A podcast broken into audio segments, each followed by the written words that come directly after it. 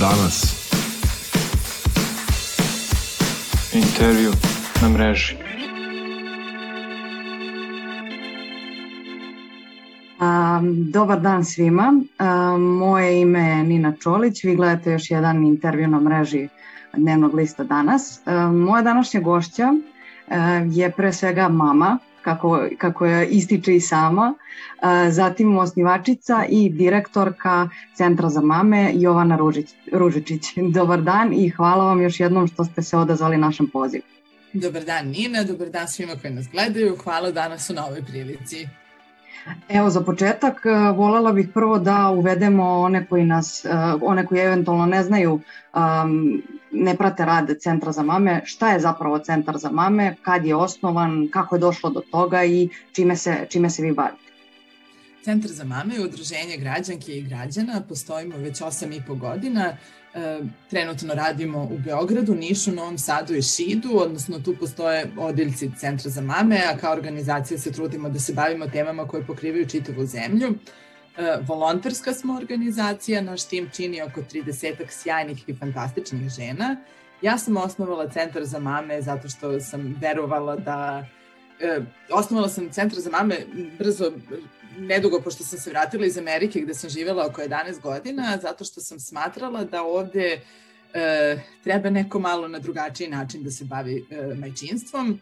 E, do sada se mečinstvom gotovo niko nije bavio, kada se bavio, uglavnom se bavio na način žene treba više da rađaju, a ja sam smatrala da postoji veliki prostor na nivou čitavog sveta, a tek u Srbiji koja ima negativni natalitet i koja ističe natalitet kao jedan od svojih problema, jedan drugačiji način razmatranja materinstva, razmatranja šta se utiče na ženu da postane ili ne postane na ma mama i evo već 8 i po 9 godina skoro radimo različite, različite aktivnosti koje se tiču uh, materinstva. Uh, mi delamo iz feminističke perspektive i apsolutno se zalažemo za prava žena, a odatle kroz ta prava žena se radimo ove druge stvari koje radimo, a radimo zaista puno toga. Imamo psihološko besplatno savjetovalište, besplatno pravno savjetovalište, dok nije došla pandemija, redovno smo organizovali bazare mama preduzetnice i na taj način podržavali mame preduzetnice. Imali smo nekoliko inicijativa da se izmene neki zakoni i prakse, recimo u porodilištima, recimo zakon o finansijskoj podršci porodici sa decom. Imali smo i trudimo se, kao što smo i ovim istraživanjem, trudimo se da u javnosti pokrenemo teme koje utiču na majke danas. Um, šta biste recimo izdvojili od, od tih projekata koje ste naveli da onako kao negde, um, ajde da ne kažem najuspešnije, ali da vam je ostao, ostao najlepši utisak uh, nakon što su došli rezultati? Pa sve što smo radili je bilo jako uspešno, ne ša, šalu na stranu. Mislim, zaista sve što smo radili sam vrlo ponosna na, na to što smo, ovaj, što smo uspeli da postignemo. Jako sam srećena što se naš glas čuje u javnosti i što pričamo na način na koji pričamo o materinstvu. Mislim da je to i tekako bilo potrebno. Izuzetno sam ponosna i na sva pravna, na sva pravne, svu pravnu pomoć koju smo pružili, svu psihološku pomoć koju smo pružili. Uh, zaista sam ponosna na uticaj koji smo imali na nivoje, na živote žena.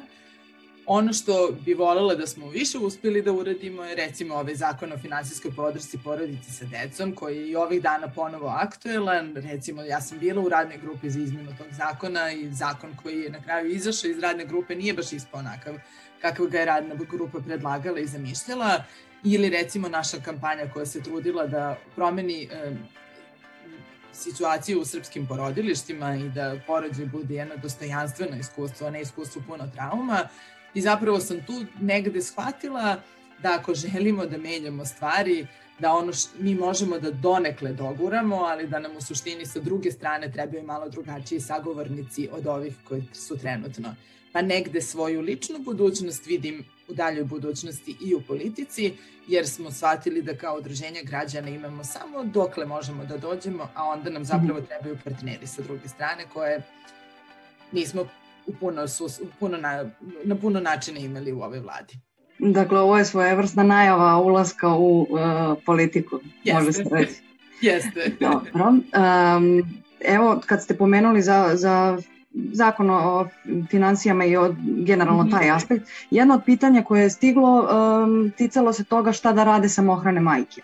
Um, koje pogotovo za vreme pandemije su imale, jel te, poprilično nezahvalnu ulogu, dakle, brinuti o detetu sa jedne strane, sa druge strane ta briga je podrazumevala odlazak na posao, odlazak, šta, uh, šta su majke, šta majke mogu da urade u ovakvoj, samohrane majke pre svega, u mhm. ovakvoj situaciji koja je zadesila generalno celu planetu? Jeste, mislim da nam je pandemija svima pokazala da oni koji kojima je loše su u njoj postali još u gore, su njoj došli u još goru situaciju i svakako da su samokrane majke jedna vrlo osetljiva grupa koja nema puno podrške ni od društva, nažalost ni od šire zajednice nekako to tako ispada da je to njeno i da samo ona treba time da se bavi. Ne, ne znam koje bi bilo konkretno pitanje. Za bilo kakvu pravnu pomoć vas prepozivam da pišete našim pravnicama na e-mail adresu centrzamame.gmail.com ali ja mogu da kažem da su naše i ovo istraživanje i istraživanje koje smo imali tokom vanrednog stanja prošle godine u aprilu nam i tekako pokazali da kada je loše svima, samohranim mamama je za dva nivoa gore nego svima ostalima. Znači i obične mame, mislim mame koje imaju partnere, ove, ovaj, ne prolaze dobro u pandemiji, a tek samohrane mame se nalaze u jednom zaista vrlo, vrlo specifičnom položaju. Mi smo recimo, kad smo imali to istraživanje koje se baš koje je baš istraživalo kako porodice žive tokom vanrednog stanja, došli do brojke, ja mislim da je svaka treća samohrana mama svoje dete vodila sa sobom u nabavku jer imala gde da ga ostavi. Znači, znate, oni redovi sve i onda dolazi žena sa detetom koja, ili dvoje deca koja nema gde da ostavi, da više od pola njih nije imalo nikoga ni da pozove u slučaju bilo kakve iznenadne situacije. Zakon je jedno, praksa je drugo. Po zakonu su one, ako nemaju gde da ostave dete, mogle da ne rade, odnosno, a da primaju punu platu. Praksa nam je pokazala da je to tek mali broj poslodavaca omogućio, odnosno uopšte postavio kao opciju, a i da veliki broj njih nije, nije čak ni znao da to postoji kao zakonska osnova. Tako da e, ne mogu sada da dam konkretan savet na konkretno pitanje. Ako neko ima, pozivamo da se javite našim pravnicama na centar za. A, eto, dotakli smo, se, dotakli smo se istraživanja koje je negde i tema našeg razgovora danas i, i razlog zašto, zašto smo jel te, e, organizovali ovaj razgovor. Mm -hmm. um, Centar za mame je objavio istraživanje pod nazivom uh, Mama kako si, je li tako? Mm -hmm. E sad, zanimljivi su podaci koji su odatle, uh, koji su se pojavili u tom istraživanju, ali bih za početak voljela da vas pitam opet kako je došlo do tog um, istraživanja, da nam kažete nešto više o tome, pošto prosto ako neko nije, nije upućen u samu tematiku i, i, i detalje o, o samom istraživanju. Kao što sam već rekla, kao organizacija se trudimo da pružimo neke nove uvide u materinstvo i da, da, da pričamo o stvarima koje utiču na, koje utiču na današnje majke. E sad, ideja za istraživanje je došla još odavno. Mi smo imali jedno malo, kratko, kratko istraživanje u aprilu prošle godine gde smo se zaista fokusirali samo kako, kako porodice funkcionišu tokom vanrednog stanja. To je bilo ono vreme da od 5 do ponedeljka, od petka u 5 do ponedeljka ujutru ne, ne možete nigde da idete, sve je bilo zatvoreno, čak i samo posluge nisu radile, sećamo se mi svi kako je bilo, kako je bilo tada. I čini nam se da smo tada samo dotakli kako je to biti i šta se to promenilo u porodicama. A ovo drugo istraživanje Mama kako si, koje smo objavili sada baš pre neki dan, zapravo simbolično u ponedeljak 8. marta, a reći ću i zašto baš tada, sa njim smo želeli malo širu sliku da razumemo koji su to sve faktori koji utiču na kako je to biti mama danas, kako su se stvari promenile, da li one smatraju da su samo se njihovi životi promenili ili životi partnera i tako dalje i tako dalje. Jer smo shvatili a ono što nam je, to nam je bila polazna pretpostavka, a kasnije su nam podaci to i dokazali. Shvatili smo da Nina, vaša generacija žena i moj, moja generacija žena, čini mi se da smo mi došli najbliže rodnoj ravnopravnosti u poređenju sa svim našim pretkin, pretkam, pretkinjama koje su se borile za to isto. Znači imali smo mi ipak možemo i da radimo i da budemo vlasnice zemlje i nekretnina i da se razvedemo i da, mislim, drug, mnogo smo bolji nego što je bilo pre 50 godina. Ali onda dođe situacija krize, a pandemija je i tekako kriza, koja nas tako kratko i tako brzo i tako lako vrati na četiri generacije pozadi, možda ne četiri, ali tri sigurno. I čini mi se da je ova pandemija će za rodnu ravnopravnost u čitavom svetu, znači nije ovo srpski specialitet, čak i u zemljama gde, su, gde, su, gde je mnogo veća rodna ravnopravnost nego što je u Srbiji, čini mi se da će ova pandemija da nas sve baci tri koraka unazad što se toga tiče. Mhm. I zato smo želeli da razumemo koje su sve stvari koje su uticali na mame u poslednjih godinu dana, kako se njihov život promenio. 8. mart je takođe i slično vreme kada, je zabele, kada su zabeleženi javno e, prvi korona slučajevi u Srbiji. Šta se sve to dešavalo za mame u poslednjih godinu dana, time se naše istraživanje bavilo. Od toga da li one uspevaju da pronađu i malo vremena za sebe, do toga kako funkcionišu što se posla tiče, što se zdravlja tiče, što se porodičnih odnosa tiče, što se svojih roditelja, partnera, partnerovih roditelja tiče, a najviše nam je fokus bio na mentalnom, na mentalnom zdravlju, jer smo shvatili, a ovo istraživanje to i tekako dokazalo, da su mame u zaista velikom psihičkom problemu i ja mislim da će se posledice, i čak i kada pandemija bude gotova, a ko zna kada će to da bude, da će se posledice osjećati godinama posle. E, pomenuli ste eto sad uh, psihičko zdravlje i um, volela bih da nešto više malo kažete o tome u, u kontekstu eto često se može čuti, bar sam ja bila u prilici da čujem, um, eto sada žene ne, ne moraju da idu na posao kad je pandemija, radi se od kuće, radi se, pa dobro, ne, ne moraju da troše mnogo vremena na, na ulepšavanje, na sređivanje za posao, što je, mislim, onako izjava o kojoj bismo mogli diskutovati, ali me zanima... Izjava koja vrlo dobro opisuje gde živimo. E, pa me zanima eto vaš komentar na to prosto i da povežemo na neki način sa tim mentalnim zdravljem koje često i jeste negde u vezi sa našom samopercepcijom koja je poprilično urušena u, za, u, kod svih, ne samo kod žena, ali i kod žena e, ako već pričamo o ovoj temi. Da. Prvo, još samo bi da se osvrnem ovaj, da mislim, mi kao organizacija se bavimo mamama i mi istražujemo stvari vezane za mame. Apsolutno ne mislim da će samo mame da imaju psihičke posledice od ove pandemije. Mislim da će čitav svet da se od ovoga vadi narednim, u narednim godinama. Ja, I tekako povezujemo ono što se dešava u glavi sa onim što se dešava u čitavom, se, u čitavom telu. I tekako mi je jasno da od ovoga što će možda da krene od glave, da mogu da može da rezultira u brojnim nekim hroničnim stanjima, hroničnim obolenjima i tako dalje i tako dalje, to ćemo tek još već videti za nekoliko godina. E sad, što se mama i pritiska koje imaju, uh, neko ja bih rekla da taj komentar da mame ne moraju sada da se šminkaju i da time imaju više vremena, ja bih rekla da je to napravio, takav komentar može samo muškarac da da. Ove, jer zaista, mislim, kada ste mama, ti ne razmišljate i nemate ne znam koje vreme da se šminkate, a i tekako da je ova pandemija donela značajno više obaveza.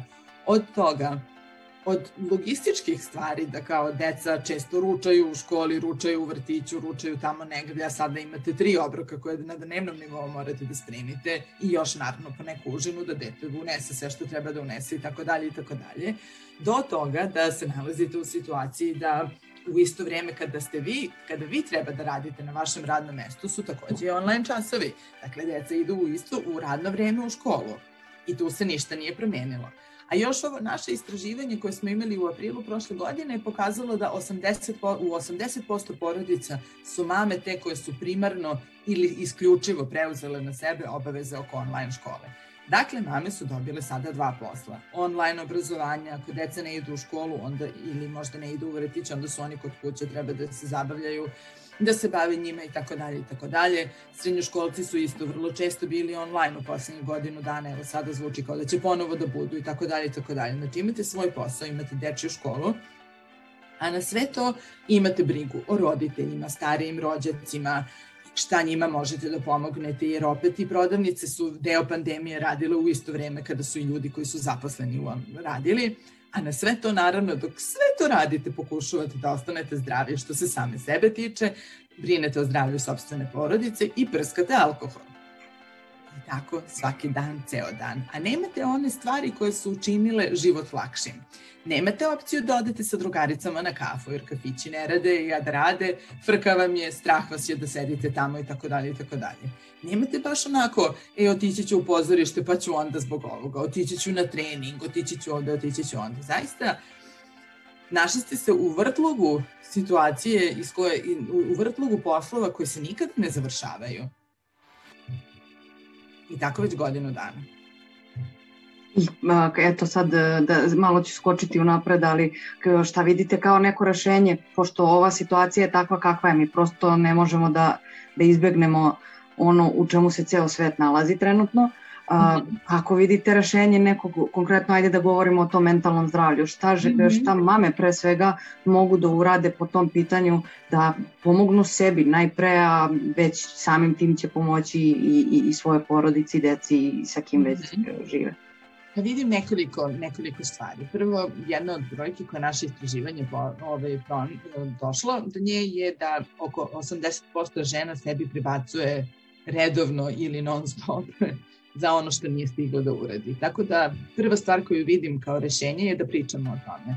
I sa te strane vam hvala na ovom pozivu i na prilici da pričamo o tome, zato što znamo da e, društvo Inače, znate, nije nama trebala pandemija da mi imamo, da mame imaju ogroman pritisak. Mame imaju ogroman pritisak i bez pandemije. Pandemija je samo to podigla na tri nivoa više od onoga kako je bilo pre pandemije. I mame i pre pandemije su očekivane od njih da budu stonoge, sto ručice, da kuvaju zdravo, da super izgledaju, da imaju karijere. Znači, baš je onako bilo Znate, ovaj, uh, manekinka čuvena Sidney Crawford je jednom rekla kada je gledala svoje slike u magazinima, ja bih volila da izgledam kao Sidney Crawford, znate, e, to, to baš tako i mami isto. znači, nije baš tako kako se prikazuje i treba da budemo svesne toga. I sa te strane, hvala svakom, želimo prvo da se obratimo mamama, da im kažemo da nisu same, da se, mama svu, da se mame svuda osjećaju loše i to čak ne opet samo u našoj Srbiji, nego čitavom, čitavom svetu, da ovo nije da ovo nije trenutak kada sebi treba da postavljamo super visoke standarde i da sebe izazivamo da budemo najbolje verzije sebe i tako dalje i tako dalje. Ovo je samo trenutak kada treba da budemo nežne prema sebi, da sebe hrabrimo, da sebe potapšemo po ramenu svaki dan, idealno nekoliko puta dnevno i da se pohvalimo za sve što smo uspeli da stignemo želimo mamama takođe da kažemo da nisu same. Sve što se dešava, dešava se svima. Ajde da se ne pravimo da je super, ajde da ne, ne samo fantastične slike na Instagramu, ajde da nekad slikamo i naše podršnjake, realno sve ih imamo i to su veliki ajde da samo ne pričamo o lepim stvarima, nego da jedno drugu hrabrimo. Druga stvar koju bismo trebali da uradimo, ajde da se setimo tata. Da, mame koje su samohrane su u jednoj specifičnoj situaciji, ali puno mama nisu samohrane, puno mama imaju partnere. Naše istraživanje je pokazalo da 60% mama smatra da su da se njihov život značajno promenio od kako je pandemija krenula na gore a od tih istih mama tek svaka peta misli da se njen partner više uključuje nego što se uključivao tokom, tokom e, pre, pre nego što je pandemija krenula. Naša mi u centru za mame znamo da tate mogu apsolutno sve isto kao i mame sem da rode i da doje. Apsolutno sve ostalo mogu. Mogu da kuvaju, mogu da spremaju, mogu da brišu guze, mogu da uspavljaju. Znači sve, sve, sve mogu. Tate, ajde i vi malo da se uključite. Zaista, mi smo i tekako svesni da kao organizacija, da ono što želimo da postignemo i podrška koju želimo da budemo mamama, da je to apsolutno nemoguće bez tata i pozivamo tate, tate, probudite se u vašem, ja zaista verujem, mi zaista verujemo da ako je mama dobro, da je to dobro za čitavu porodicu. I ako ni zbog čega drugog, tate, uključite se zbog toga.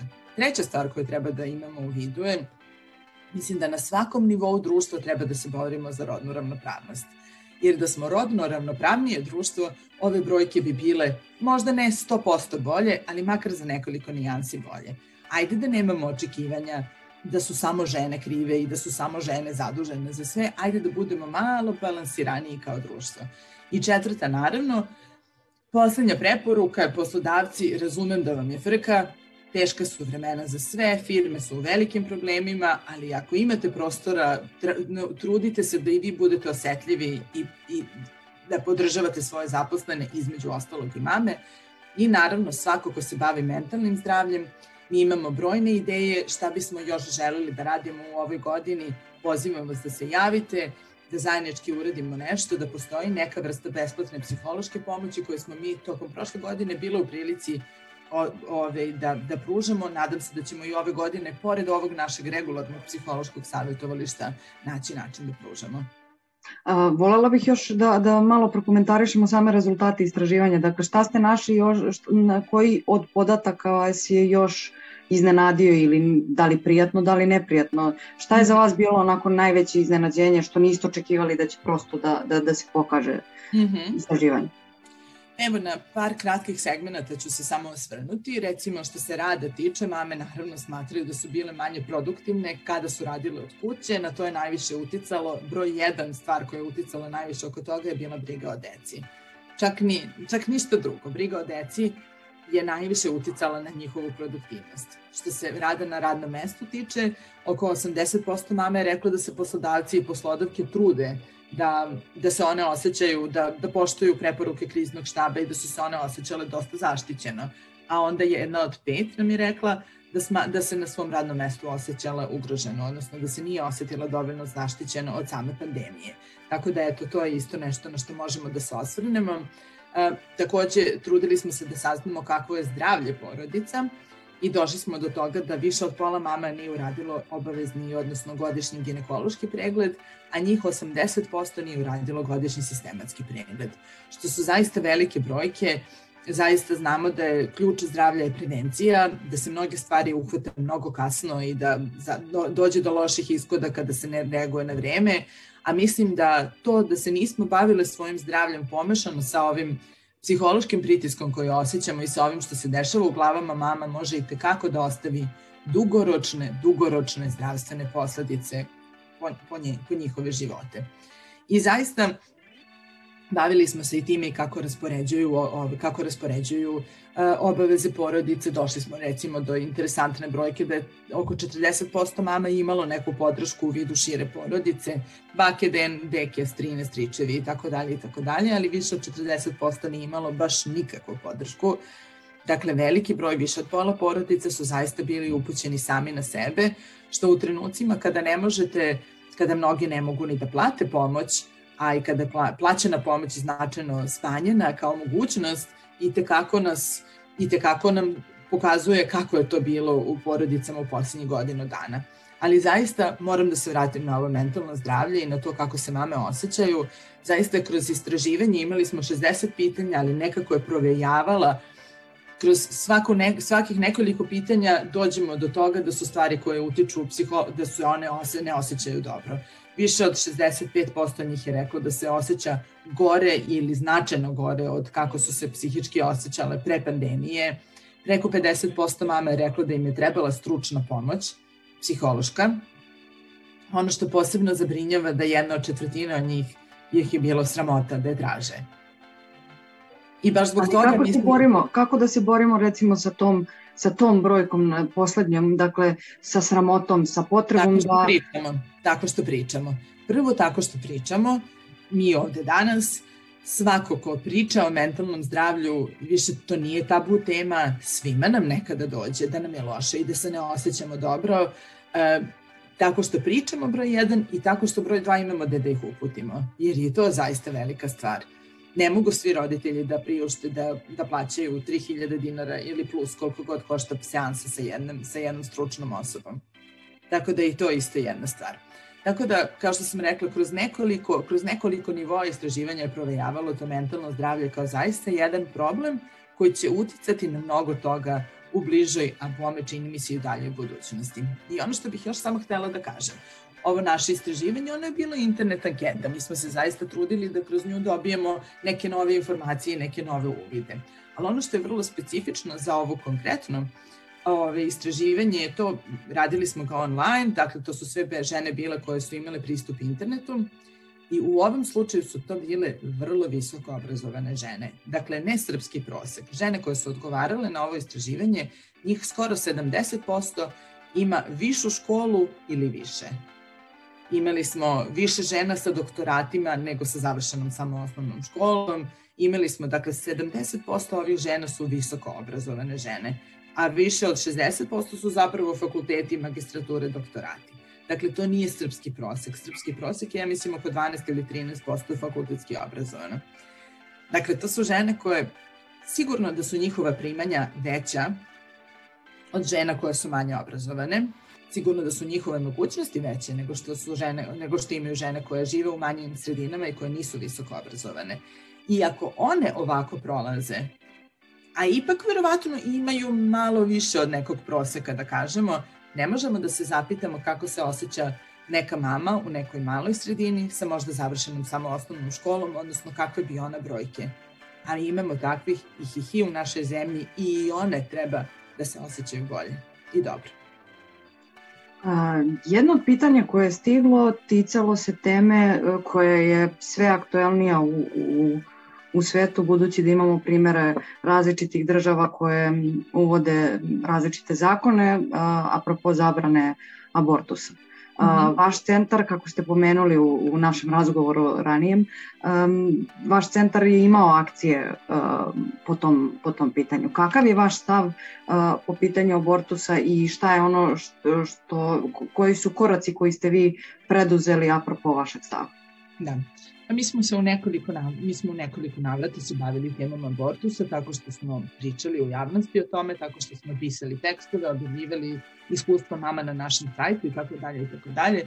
Mi smo apsolutno kao organizacija za pravo žena da bira o sobstvenom telu uh, i smatramo, pošto se jeste dešavalo sve šta se dešavalo u Poljskoj, a ne vidim da, da je Poljska mnogo različita od Srbije što se, što se mnogo čega tiče, i malo malo u srpskom javnosti provejava taj podatak da treba da se, odnosno to mišljenje da treba da se promeni zakon, da treba da se, da bude teže da se dođe do, do, do abortusa, onda naravno provejavaju neke potpuno lude brojke 200-300 hiljada abortusa godišnje, dok opet institut, institut za javno zdravlje nam pokazuje da je tek oko 12 hiljada slučajeva ovaj, registrovano na nivou države, onda mi tu naravno dolazimo do neke naučne fantastike, ali privatne klinike, ovo, ali privatne klinike, iako znamo da građani Srbije, njih preko 60% nema 200 evra viška u slučaju da crkne bojler. Dakle, nemamo da popravimo bojler, ali za abortu se po privatnim klinikama finansiramo bez ikakvih problema. Dakle,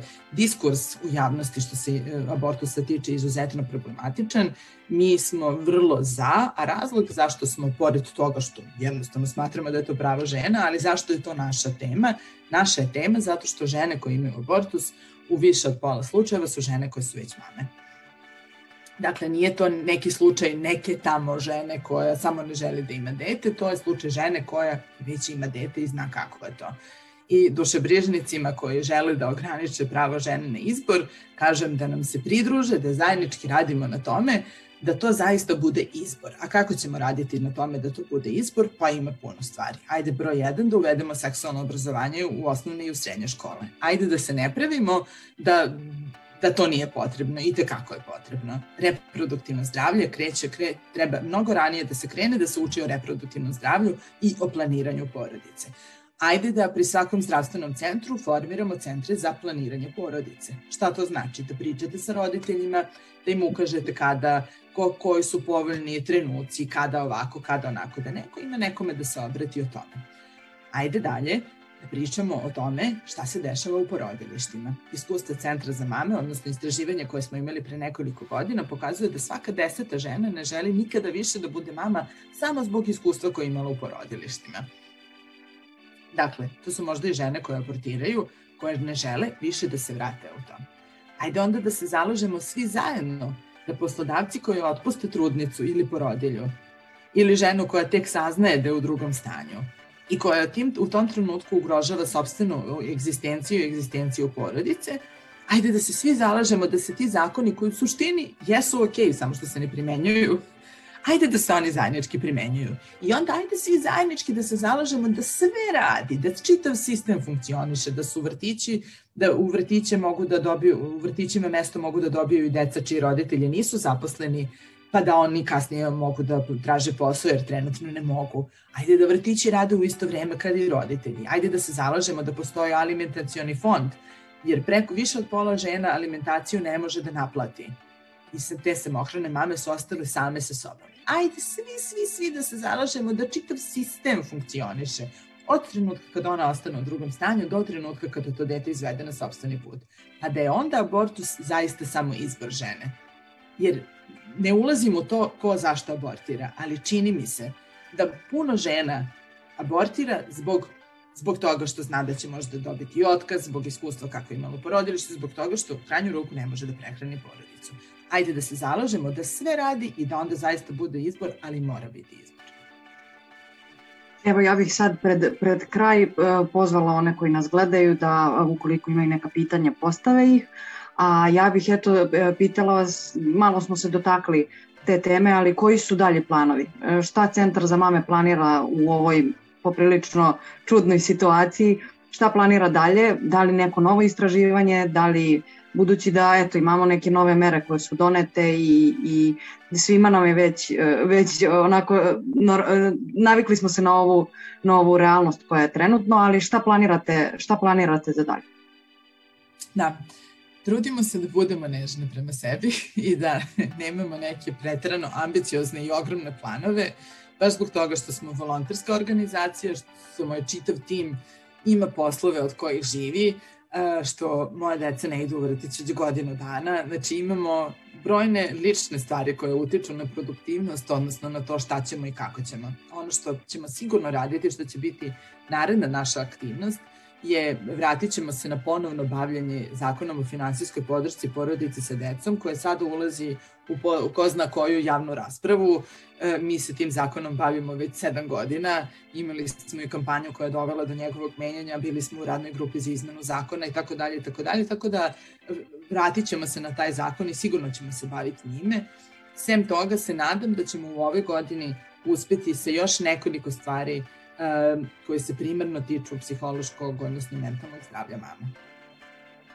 Nastavit ćemo sa našim besplatnim pravnim savjetovalištem, sa našim besplatnim psihološkim savjetovalištem, imamo te neke aktivnosti koje svakako radimo, ali eto, trudim, volela bih da pokrenemo da jedna moja velika ideja koju imam, a tiče se mentalnog zdravlja, da uspem, da uspemo ove godine da je sprovedemo u delo.